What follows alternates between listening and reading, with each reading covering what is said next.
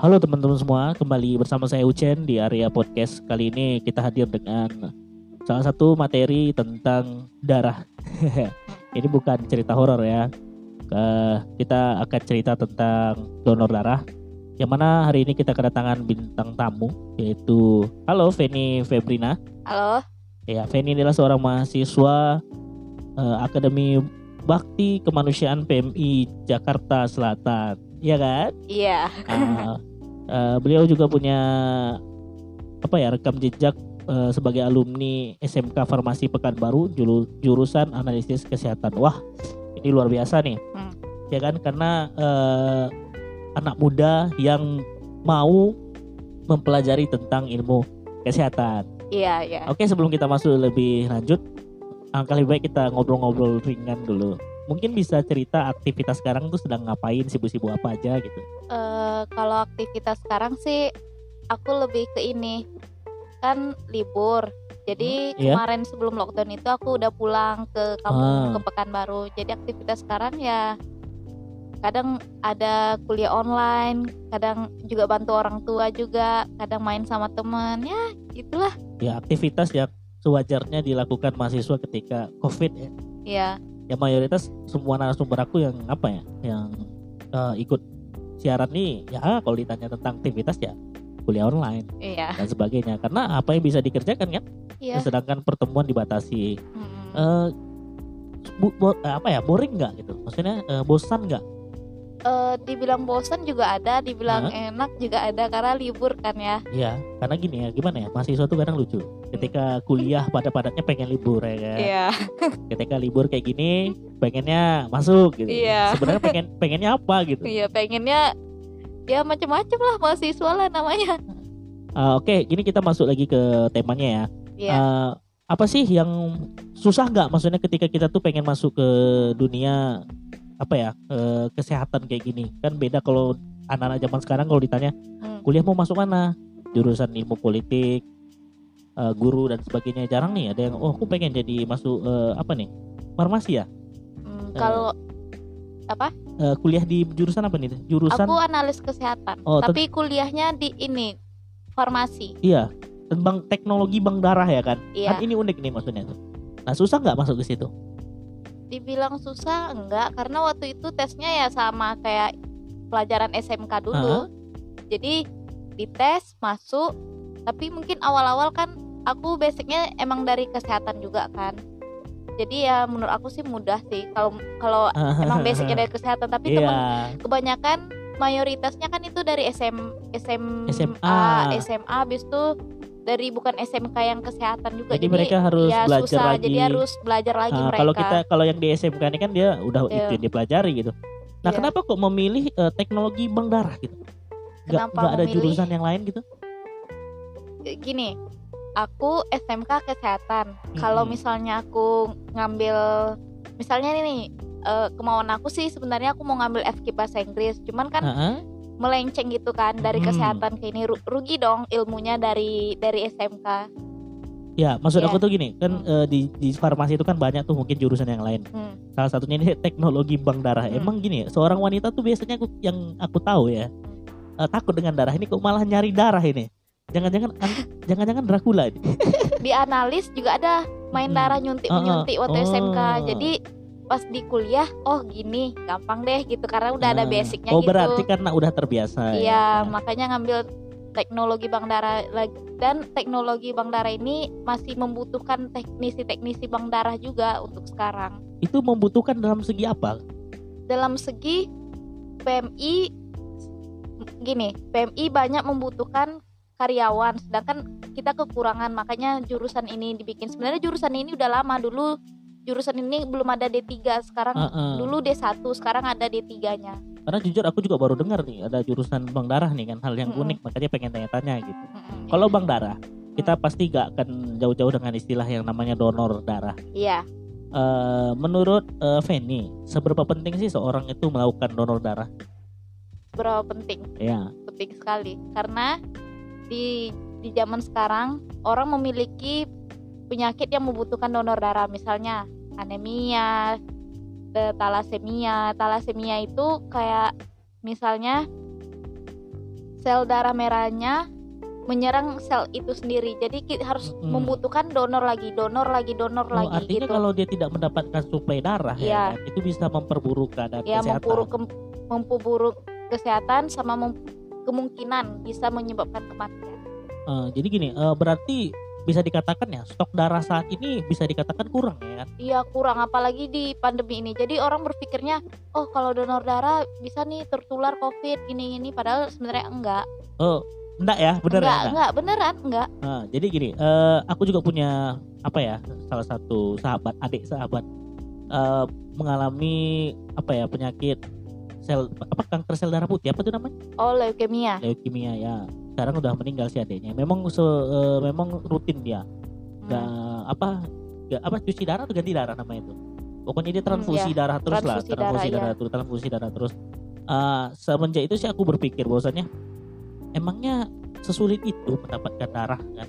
Sulit karena juga orang mungkin ada yang bilang ih donor darah gini nih gini. Padahal sebenarnya Ah. nggak kayak gitu. Karena kan ada prosedur-prosedurnya Iya, juga. betul.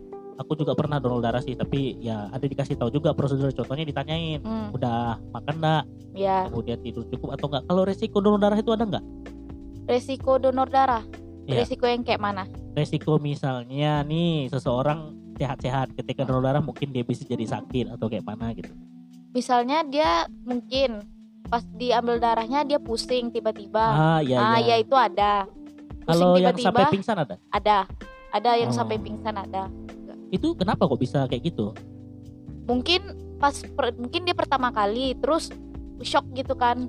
Pas diambil oh Hmm, langsung nanti setelah itu nggak ada lagi kayak gitu. Palingan Iya, iya, ada betul, mungkin donor keempat dia pusing lagi atau donor keberapa gitu. Tapi mungkin emang pertama mungkin. Kalau di sejarah donor darah nih, Hmm. eh, pernah nggak ada sejarah bahwasanya orang yang donor darah ini setelah donor darah nih, terus kemudian meninggal dunia ada? nggak ada nggak pernah. Karena gimana ya, eh, tidak menutup kemungkinan. Hmm. Apalagi masyarakat kita kan kurang teredukasi dengan hal yang seperti ini. Sampai pemerintah pun Hmm. eh, gencar-gencarnya menghimbau masyarakat, ayo donor darah, ayo donor darah Hmm, baik itu iya, iya. dari apa ya iklan dan sebagainya. Itu menunjukkan bahwasannya ya masyarakat mengalami kekurangan informasi Hmm. tentang donor darah sampai ada eh, yang mengatakan bahwasanya donor darah tidak dapat duit eh kamu mau duit donor darah itu itu sebenarnya nggak boleh di kode Nah. kesehatan donor darah itu nggak ada tuh namanya tapi dulu dulu ya tapi nggak tahu sekarang ya tapi kalau dulu itu sering terjadi sih ya mungkin itu oknum-oknum yang nggak bertanggung jawab mungkin Ah, ah, ah, ah. ya karena kita mau tanya misalnya ketika donor darah itu ditanya sama Hmm. petugasnya ini mau donor darah untuk seseorang atau memang untuk Sukarela. sukarela Iya. gitu nah kalau misalnya sukarela itu darahnya ke mana darahnya ya darah kita itu. misalnya ada permintaan dari rumah sakit dika- dikasih oh ke iya ya iya rumah iya. sakit berarti di stok ya Iya, kadang rumah sakit minta eh, ini kan- kantong darah atau darah di situ dikasih ke rumah sakit gitu. Ah kan gini, Hmm. eh, kita kan nggak tahu nih, yang donor darah ini punya riwayat penyakit apa misalnya, Hmm. contohnya HIV, ya. Ya, itu bisa nggak dideteksi? Misalnya kalau dia bisa dia bohong nih, Hmm. Eh, ketika ditulis di tulisan di situ pernah nggak eh, melakukan hubungan beresiko dan sebagainya, Hmm. Ah, dia enggak, enggak, padahal dia pernah gitu kan. ya, ya. Akhirnya dia, akhir pada akhirnya dia donor darah gitu. Bisa nggak ketahuan bahwasannya oh ini darahnya nggak sehat gitu? Bisa. Karena prinsip PMI itu memberikan darah yang sehat. Orang donor itu selalu dianggap sehat, pasien dianggap sakit. Iya iya. Ya, Karena gini. jadi ah, ya, oke. tunggu. Jadi pas udah diambil darah itu Ah. dikasih namanya ada namanya tes. Tes ini namanya apa email TD, infeksi Oh. menular melalui transfusi darah. Itu ada Hmm. tes rapid, ada tes eh, screening. Harus di screening dulu darahnya. Tes HIV, HCV. Apalagi tuh ya? Banyak lah ya. Heeh, malaria juga ada. Nah, karena gini, eh, aku juga sering sih, hampir sering Hmm. dengar istilah di tengah kawan-kawan aku ya, bahwasanya, wih hati-hati kalau apa eh, mentransfusi darah Hmm. Dari rumah sakit kalau bisa dari ini da- dari saudara lah, maksudnya dari orang Hmm. yang dikenal, jangan Iya, jangan langsung jangan langsung minta di bank darah, takut aku kena HIV kayak gini kayak Hmm. gitu, ditakut-takuti gitu. ya itu cum- cuman gimana ya? Ya orang mungkin ketakutan juga ada, makanya Iya, terkadang kuranglah pe- pemahaman orang. Makanya dibetulah dibentuk jurusan ini. Kadang juga ke ke warga-warga ngasih tahu donor darah itu begini. Jadi warga tahu oh begini. Makanya harus dikasih ilmunya dulu Ah, ya berarti bener nih eh, langkah yang tepat masuk dalam podcast ini karena semoga nanti yang mendengarkan cukup teredukasi untuk jangan Iya. takut-takut lagi kalau donor darah. Hmm. Ah, kalau kemudian eh, di masa yang akan datang eh, masyarakat udah mulai peduli nih Ya, dengan donor darah ya kan. Eh, menurut eh, menurut Feni nih, menurut Feni eh, apa sih dampak positif yang akan didapatkan bagi seseorang yang rajin donor darah?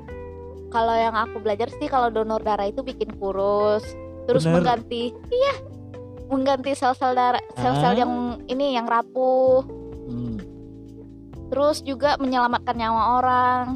artinya, Kadang- ah, iya iya. Kadang misalnya saudara kita nih butuh, kita ada nih, kan terselamatkan dia. Ya, Tapi nggak menjamin juga sih, walaupun golongan darahnya sama, tapi golongan darah sama, resusnya sama nih misalnya. Hmm, nggak menjamin juga juga bisa didonorkan karena ada yang namanya itu tes screening antibody sama DCT. DCT itu eh, direct direct cum test yang artinya gini. Misalnya di tubuh kita nih ada antibody Lewis sedangkan di tubuh pasiennya ada antigen Lewis jadi itu nggak bisa karena itu meng- membentuk itu aglutinasi misalnya kalau darah beraglutinasi di tubuh pasti kayak menggumpal gitu jadi mengakibatkan reaksi transfusi bisa kemungkinan paling besar itu meninggal kadang Oh. kejang-kejang juga jadi Oh, iya. harus dites dulu darahnya benar-benar. Karena gini ya, eh, sama belum berarti cocok Iya. ya kan. Karena aku juga tahu eh, bahwasannya eh, kita tuh kalau misalnya mau minta darah gitu ya, Hmm. itu kita harus dicek dulu, Hmm. Harus disamain dulu dengan darah yang akan dimasukkan. Apakah cocok. Karena ya kembali lagi ke cerita adik teman aku yang meninggal karena leukemia tersebut, itu dia pernah mau minta darah ke PMI dan akhirnya nggak jadi karena nggak cocok gitu, cari Iya. lagi gitu. walaupun resusnya sama. Iya, heeh. kalau misalnya dia ini golongan darah O kalau O bisa masuk ke semua. Karena apa? O tidak punya antigen. Dia mempunyai ah. antibody.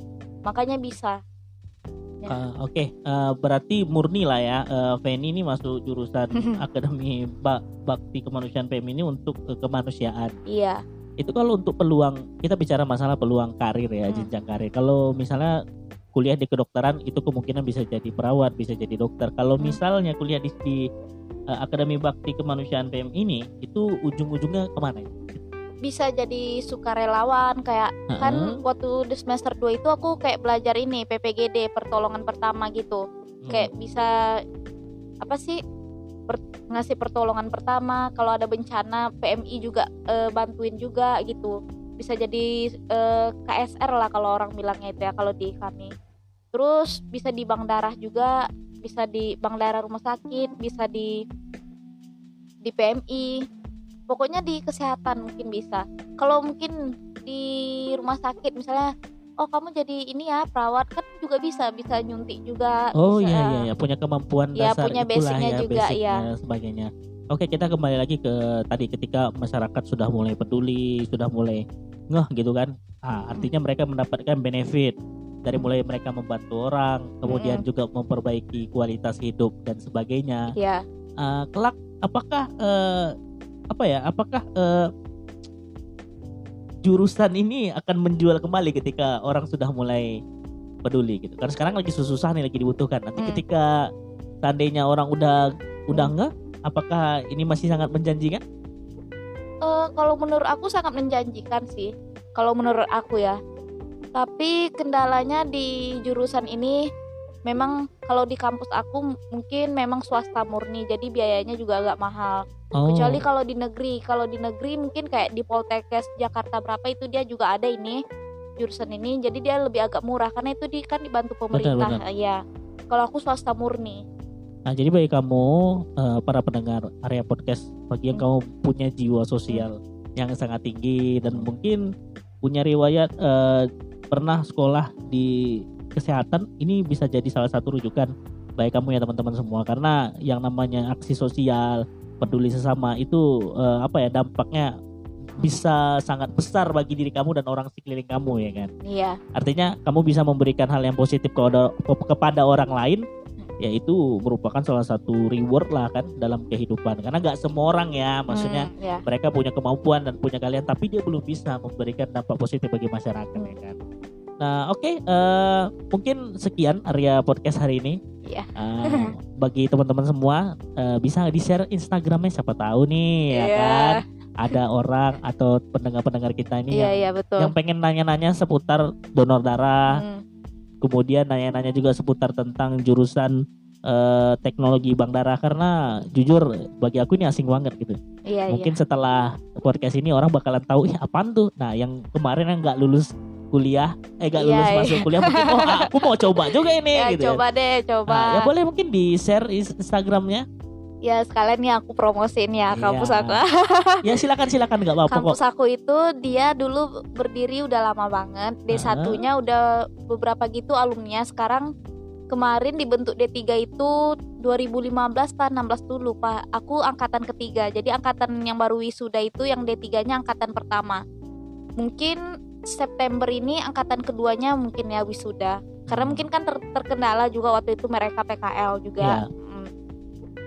Jadi yang bagi men- mau mencoba kayak mana sih donor darah itu kayak ya harus kuat mental lah kalau menurut aku kalau Iya. nggak boleh takut darah juga harus berani disuntik juga terus mungkin jadwalnya juga agak padat juga sih tapi kalau menurut aku ini menjanjikan karena petugas bank darah itu lagi dibutuhkan banget Ya peluangnya sangat besar. ya peluang sangat besar mungkin kalau di segi biaya memang memang nggak nggak bisa mungkiri sih karena bahan-bahan regen karena alat-alatnya juga mahal juga sih kalau menurut aku Iya. terus dosennya juga ini berpengalaman lah kalau Iya, menurut aku dong. karena salah satu dosen aku ada yang udah kerja di WH, W- WHO, WHO? ya Hmm. Dokter Yuyun hehe hei, halo. halo dokter Yuyun Nanti di mention. Iya. ya, Instagramnya tadi belum.